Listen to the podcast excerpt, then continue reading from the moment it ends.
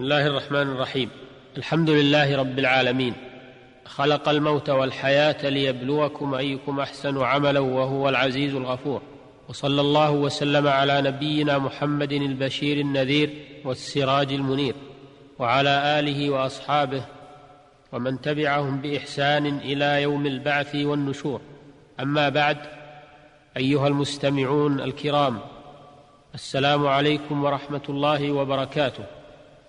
نواصل الحديث معكم عبر هذا البرنامج الذي نقدم فيه ما تيسر من أحكام الفقه الإسلامي ونخص في حلقتنا هذه الحديث عن بعض أحكام الوصايا. فنقول وبالله التوفيق الوصية لغة مأخوذة من وصيت الشيء إذا وصلته.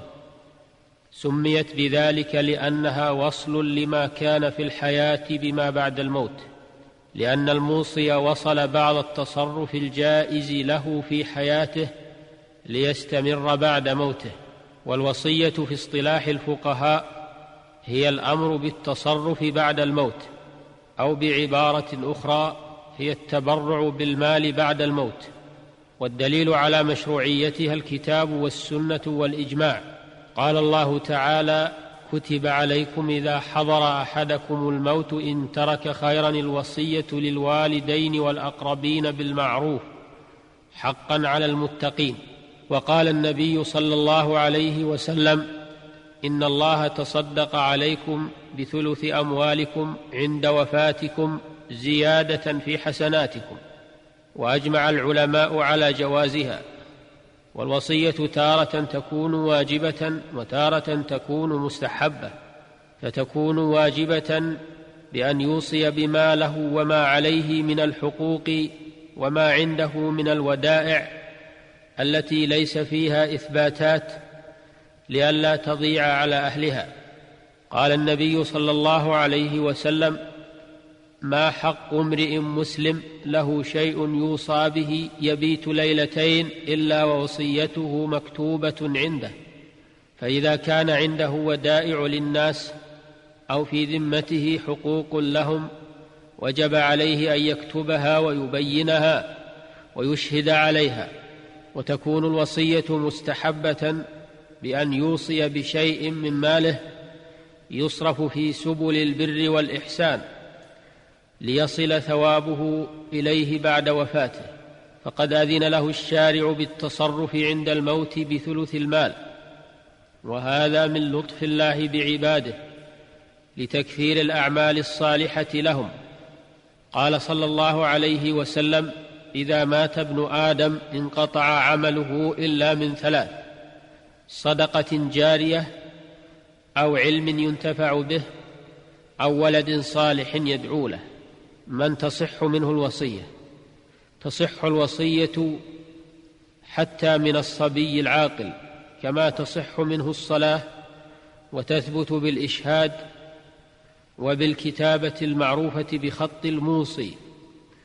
ومن أحكام الوصية أنها تجوز بحدود ثلث المال فأقل وبعض العلماء يستحب الا تبلغ الثلث. فقد روي عن أبي بكر الصديق وعلي بن أبي طالب رضي الله عنهما فقد قال أبو بكر رضي الله عنه رضيت بما رضي الله به لنفسه يعني في قوله تعالى واعلموا أن ما غنمتم من شيء فأن لله خمسة. وقال علي رضي الله عنه لأن أوصي بالخمس أحب إلي من أن أوصي بالربع. وقال ابن عباس رضي الله عنهما لو أن الناس غضوا من الثلث إلى الربع فإن رسول الله صلى الله عليه وسلم قال الثلث والثلث كثير ولا تجوز الوصية بأكثر من الثلث لمن له وارث إلا بإجازة الورثة لأن ما زاد على الثلث حق لهم فإذا أجازوا الزيادة عليه صح ذلك. ومن أحكام الوصايا أنها لا تصح لأحد من الورثة. لقوله صلى الله عليه وسلم لا وصية لوارث رواه أحمد وأبو داود والترمذي وحسنه وله شواهد. وقال الشيخ تقي الدين اتفقت الأمة عليه. وذكر الشافعي أنه متواتر فقال وجدنا أهل الفتيا ومن حفظنا عنهم من أهل العلم بالمغازي من قريش وغيرهم لا يختلفون.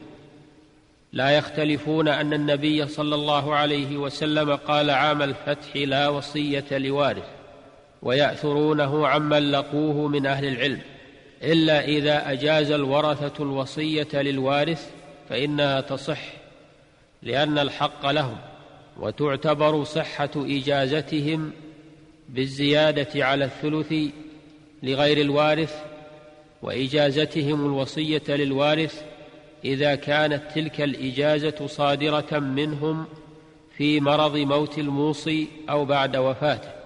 ومن أحكام الوصية أنها إنما تستحب في حق من له مال كثير ووارثه غير محتاج. لقوله تعالى كتب عليكم إذا حضر أحدكم الموت إن ترك خيرا الوصية الآية.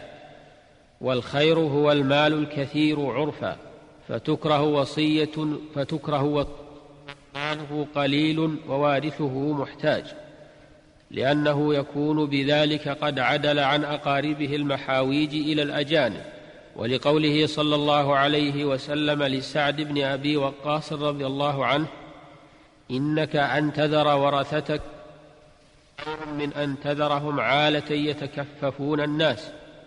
وقال الشعبي ما من مال أعظم أجرا من مال يتركه الرجل لولده يغنيهم به عن الناس.